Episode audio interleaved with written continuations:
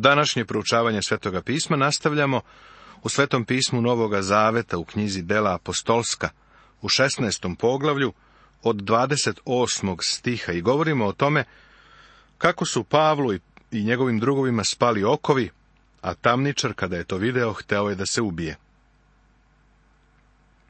Hajde da za trenutak pogledamo ovog tamničara. Bio je odgovoran za ove zatvorenike. Prirodno je da je očekivao da ako su vrata otvorena i okovi spali, da zatvorenika neće biti. On bi bio odgovoran za njihov beg, a to bi značilo da će on platiti životom.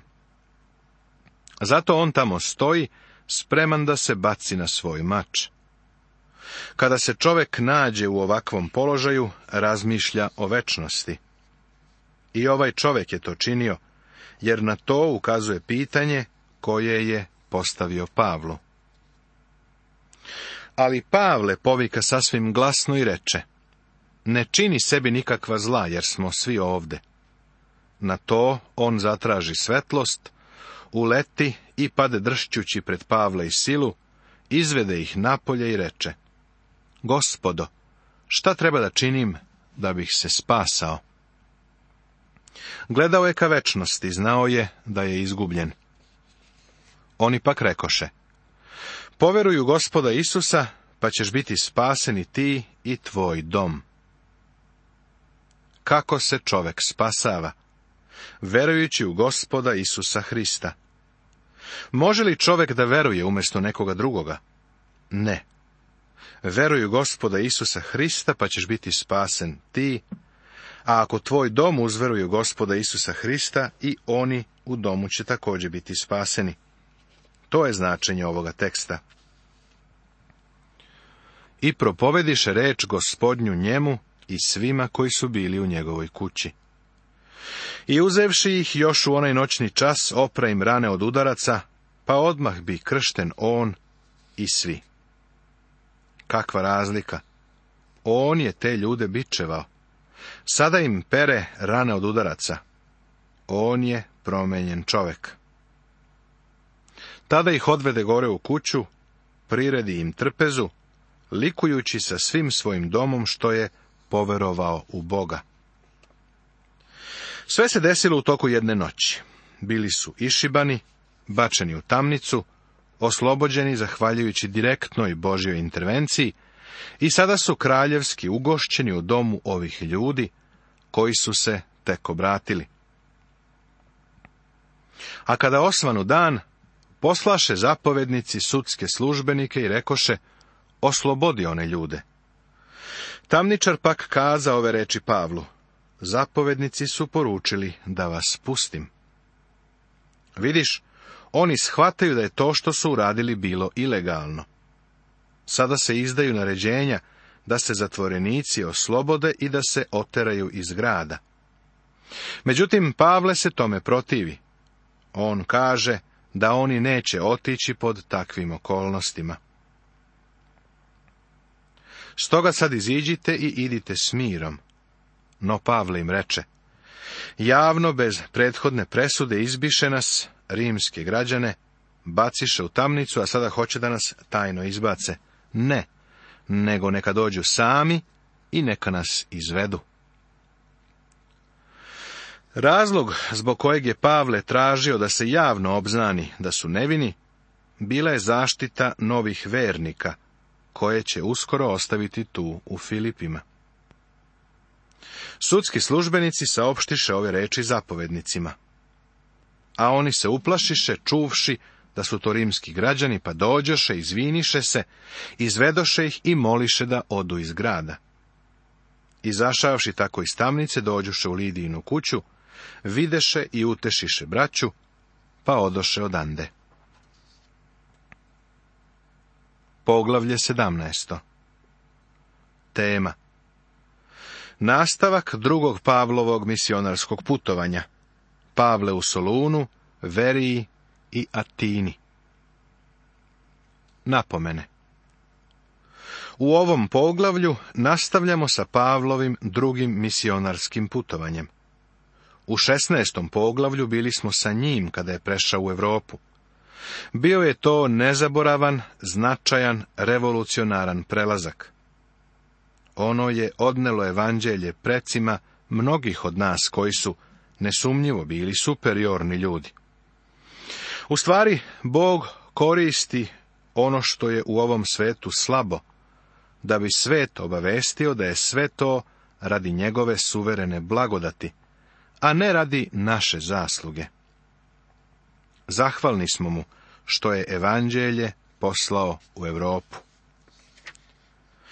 Sa Pavlom smo išli u Filipe, kada je tamo otišao prvi put i gde je prema njemu grubo postupano. Ipak u tom gradu je nastala mala crkva.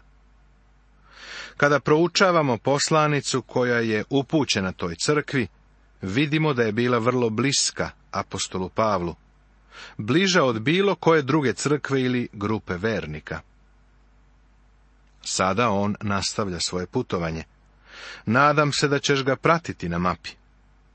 Primetit ćeš da ide u Solun, i da je putovao zapadno ka Makedoniji pa na jug u Atinu. Solun će biti njegova sljedeća značajna tačka na kojoj će se zaustaviti radi svojih misionarskih aktivnosti. Pavlova služba u Solunu Prošavši Amfipolj i Apoloniju, dođoše u Solun, gde je bila judejska sinagoga. Kao što smo već primetili, Pavle je sinagogu koristio kao odskočnu dasku, da bi dospeo u društvo, odnosno društvenu zajednicu. Toga je dovodilo do predanih jevreja u gradu, a neki od njih bi uzverovali. Nikada nisu svi od njih uzverovali, pa bi ga to gurnulo pravo među neznabošce. Onda bi neki od neznabožaca uzverovali. Tako je nastajala crkva, lokalna crkva sačinjena od neznabožaca, jevreja. Amfipolj se nazivao još i devet puteva, što je govorilo o njegovoj strategijskoj i trgovačkoj vrednosti. Većina gradova je bila sagrađena po modelu trga, a ovaj je bio u kružnom obliku, pa je i zid oko grada bio okrugao. Bila je to važna stanica na Via Egnacija, na Egnacija putu u značajnom drumu koji je prolazio kroz tu oblast. Od Helesponta do Durakijuma na Jadranskom moru tim putem je bilo 750 km. Bio je to glavni put kojim je išla rimska vojska. Tim putem su putovali i trgovci. A sada evo nekih misionara koji idu ovim putem ka Solunu. Apolonija je bila sljedeći grad na istom Ignacija putu. Solun je bio udaljen 57 km zapadno od Apolonije na Ignacijanskom putu. Bio je na kopnu, ali je bio i luka, jer su tri reke tuda proticale i ulivale se u more. Bio je to u to vrijeme istaknut grad, još jedna rimska kolonija. Kasander ga je ponovo sazidao oko 315. godine pre Hrista, pa ga je nazvao po polu sestri Aleksandra Velikog, koja se zvala Solun. Tu ima nekoliko izvora tople vode, pa je pređašnje ime grada bilo Terma ili Term. Kasander je bio jedan od generala Aleksandra Velikog, nakon Aleksandrove smrti, preuzeo je vladavinu nad tom oblašću. Međutim, u Pavlovo vreme grad je već bio rimska kolonija. Po svom običaju, Pavle uđe k njima i u toku tri subote propovedaše im iz pisma, dajući im na znanje i izlažući da je trebalo da Hristos postrada i vaskrsne iz mrtvih i da je ovo Mesija, Isus koga vam ja objavljujem. Pavle je postupao po svom običaju. Prvo je propovedao u sinagogi. Tamo je bio samo tri subote, što znači da tamo nije bio više od mjesec dana. U tom ograničenom periodu obavljao je misionarski rad. Vernici su dolazili Hristu, osnovana je lokalna crkva i Pavle ih je učio u tom kratkom vremenu, naučio ih je velikim istinama Svetoga pisma, uključujući i nauku o uzdignuću crkve. Ovo nam je poznato iz prve poslanice Solunjanima, koja je ujedno i prva poslanica koju je apostol Pavle napisao. Pavla je u toku tog jednog meseca obavio značajnu službu. Obrati pažnju na njegovu poruku on im je davao na znanje i izlagao, odnosno iz starog zaveta, da je trebalo da Hristos postrada. Propovedao je o smrti i vaskrsenju Isusa Hrista, pokazujući da je to bilo neophodno, kao što je to već unapred rečeno u starom zavetu. Prijatelju, u delima apostolskim nećeš naći ni Petrovu, ni Pavlovu propoved, u kojoj vaskrsenje nije suština poruke. Danas tako često nalazimo da vaskrsenje ne predstavlja suštinu poruke. Ono o čemu danas govorimo jeste krst, čak i u temeljnim krugovima. Ali prijatelju danas imamo živog Hrista. Neko je to ovako sročio. Imamo čoveka u slavi, ali ga je crkva izgubila iz vida. Gospod Isus Hristos je baš sada tamo gore Bogu s desne strane. To je vrlo važno. Jedno je govoriti o istorijskoj smrti Hristovoj pre 2000 godina i u njegovom vaskrsenju trećeg dana, ali je ovo pitanje kakav je tvoj odnos prema tome. To je bila velika Pavlova tema u poslanici Galatima. Da li je za tebe značajno to što je Hristos umro i vaskrsnuo? Da li si danas povezan sa tim živim Hristom? Kako se to uklapa u tvoj život? Danas u crkvi imamo konzervatizam i liberalizam, a iskreno govoreći jedna grupa kao da ne dopire do Hrista. Zašto ne? Zato što bi trebalo da je svaka nedelja Vaskrs, tog prvog dana sedmice on je ustao iz mrtvih.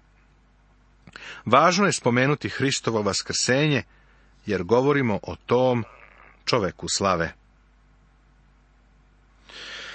Nažalost, ovo kao da nije istaknuto. Pastiri to ne ističu, jer teološki fakulteti to ne potenciraju. Uzmi koju bilo teološku knjigu, prouči je Strongovu, Šedovu, Tormandovu, Hođovu, ili nekog drugog autora i vidjet ćeš da svaka od njih ima dug odeljak o Hristovoj smrti. To je vrlo važno. Hvala Bogu da o tome imaju duge odeljke. Ali o vaskrsenju imaju kratak odeljak. Samo nekoliko strana. Mislim da su tu nešto propustili. Mislim da bi o Hristovom vaskrsenju trebali da imaju dug odeljak. To je bio temelj novozavetnog propovedanja. Ovo ističem zato što je to za nas vrlo važno. Pavle je bio u Solunu samo tri subotnja dana, a njegova poruka je bila Hristovo vaskrsenje. Zapazi kako ga primaju. I neki od njih behu u to uvereni, pa pristaše uz Pavle i silu, a isto tako i vrlo mnogo bogobojaznih Grka, i ne malo uglednih žena.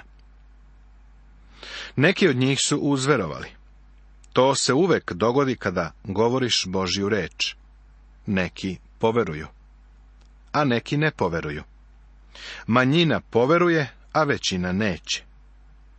Kada doktor Luka kaže i ne malo uglednih žena, on i ovom prilikom koristi svoj uobičajeni, nedovoljno snažan izraz, pa to znači da je gospodu prišao veliki broj istaknutih uglednih žena. To je divno. Ali judeji pozavideše. Uzeše neke zle ulične ljude, okupiše gomilu i izazvaše gužvu u gradu, pa navališe na Jasonovu kuću i tražahu da ih izvedu pred narod. Nažalost, i mi imamo neke zle ulične ljude, u današnjim crkvama. A kad ih tu ne nađoše, odvukoše Jasona i još neku braću pred gradske starešine vičući, ovi što su ceo svetu zbunili došli su i ovamo. Nemoj ovo da umanjuješ, smatrajući je nekom hiperbolom ili govorničkim izrazom. Kada su rekli da su ovi ljudi ceo svetu zbunili, to upravo to znači. Kada je hrišćanstvo prodrlo u to staro rimsko carstvo, to je bilo nešto revolucionarno. Imalo je ogroman efekt. Danas ne vidimo mnogo te revolucije, osim u pogrešnom pravcu. Šteta je što nemamo veliku revoluciju vraćanja gospodu Isusu Hristu i Božjoj reči. Amerika je puna licemerija. Mi se pravimo da smo hrišćanska nacija. Pravimo se da su naše vođe hrišćani, da su svi političari hrišćani, da je svako hrišćanin. Prijatelju, Amerika je jedna od najbezbožnijih nacija koji je ovaj svet ikada video. Današnje hrišćanstvo je uglavnom pretvaranje. Treba da shvatimo da se moramo vratiti Božjoj reči i živom Hristu. To je tako važno. Njih je Jason prihvatio. I svi ovi rade protiv carskih zapovesti, govoreći da je kralj jedan drugi, Isus. Uznemiriše tako narod i gradske starešine koje su ovo čule, i tek kad su dobili jemstvo od Jasone i ostalih, oslobodiše ih. Seti se da je ovo bila rimska kolonija, koja je funkcionisala po Cezarevom diktatu njih je Jason prihvatio znači da je on morao i da jemči za njih. Pavlova služba u Veriji A braća odmah, još u toku noći, poslaše Pavla i silu u Veriju. Došavši tamo, oni uđoše u judejsku sinagogu. Pomislio bi da će to umanjiti Pavlov entuzijazam, da će ga usporiti. Ali toga nije nimalo usporilo, on i dalje ide. Ide u Veriju, grad bliže obali. Ovi su bili plemenitiji od onih u Solunu, pa primiše reč sa svakom predusretljivošću, istražujući svakodnevno pisma. Je li to tako? Ovo su bili razumni ljudi. Istraživali su sveto pismo, i onda je osnovana crkva u Veriji. O toj crkvi se mnogo ne govori. Zanimljivo je da su se najjače crkve javljale u vreme najžećih progonstava. Jedna od nevolja današnje crkve jeste to što nije progonjena. U stvari crkva se već uzima zdravo za gotovo. Prosečan hrišćanin je osoba koja se uzima zdravo za gotovo. U prvom veku to nije bilo tako. I mnoge od njih poverovaše, a od uglednih grčkih žena i ljudi ne malo. Ovde ponovo doktor Luka nastupa sa svojim deminutivom ne malo. Zašto ne kaže da je uzverovalo veliko mnoštvo uglednih žena i ljudi? Kad Luka kaže ne malo, to uvek znači mnogo. Ali kad solunski judeji doznaše da je Pavle i u Veriji objavio reč Božiju, dođoše i onamo, pokrenuše i uzbuniše svetinu. Na to braća odmah otpratiše Pavla da ide u primorje, a Sila i Timotej ostadoše onde. Pavle ide dalje svojim putem, bez drugih članova tima. Pavlova služba u Atini Pratioci pak dovedoše Pavla do Atine, pa primivši nalog za silu i Timoteja da što brže dođu k njemu, odoše. Pavle ide u Atinu. Tamo će sačekati silu i Timoteja. Verovatno im je rekao, vi se vratite da proverite one vernike u Solunu i da vidite kako crkva tamo napreduje. Vidite šta je sa vernicima u Veriji, a onda mi se pridružite u Atini. Nastavit će se.